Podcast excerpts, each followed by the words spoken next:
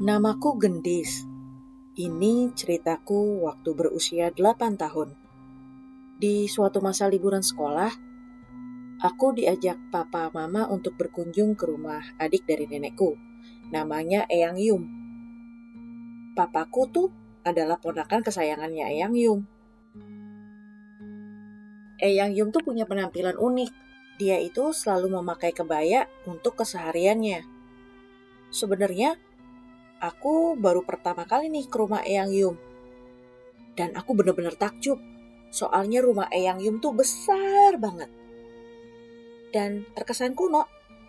Soalnya masih pakai arsitektur kolonial khas zaman Belanda. Makanya di tengah-tengahnya tuh ada sebuah taman.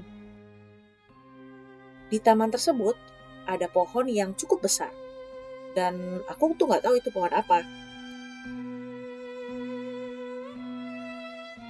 Terus terang, rumah Eyang Yum tuh nyaman banget. Aku dan adikku itu lari-larian sepuasnya. Dikasih makan enak dan bisa ngobrol sama Eyang Yum sampai kita berdua capek banget.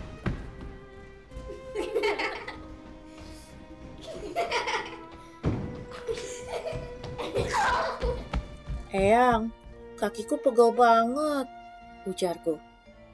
Eyang Yum hanya mengusap-usap kepalaku.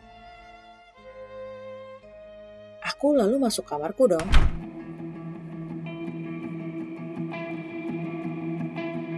Saat itu aku ingat sudah maghrib. Kamarnya luas banget dan tempat tidurnya besar dengan dipan yang tinggi. Aku tertidur, tapi tak lama kemudian terbangun nih.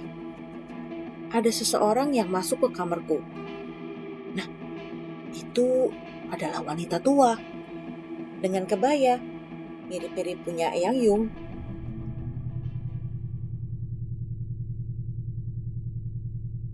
Dia duduk di lantai dan ia berjalan seperti layaknya pelayan di keraton. Itu tuh yang jalan agak jongkok. Ia menuju ke arahku, lalu ia mulai memijat kakiku. Pegel dek. Aku langsung mengangguk. Selama memijatku, kita tuh gak saling ngomong. Aku sudah mulai ngantuk tuh. Saat aku mendengar Eyang Yu memanggil aku. Mas, mas, maem dulu. Makan dulu ini ada nasi goreng. Aku menjawab. Ya Eyang, ini lagi dipijit.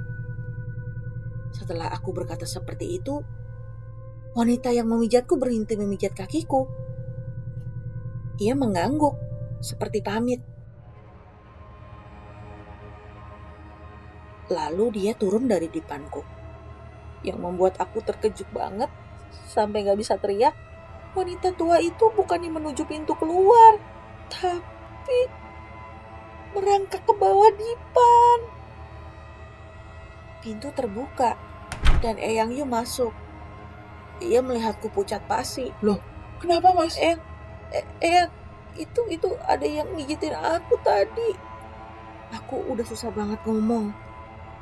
Tapi Eyang nggak terkejut. Ia malah merangkulku dan memelukku. Tadi mas bilang pegel ya. Jadi mbah pijatnya dateng. Gak apa-apa kok mas. Mbahnya baik kok. Ternyata setelah lama aku baru tahu yang memijatku itu adalah seorang mbah tukang pijat yang menjadi langganan Eyang Yum. Tapi langganan sewaktu Eyang Yum masih kecil. Mbah pijat itu sudah meninggal 20 tahun yang lalu.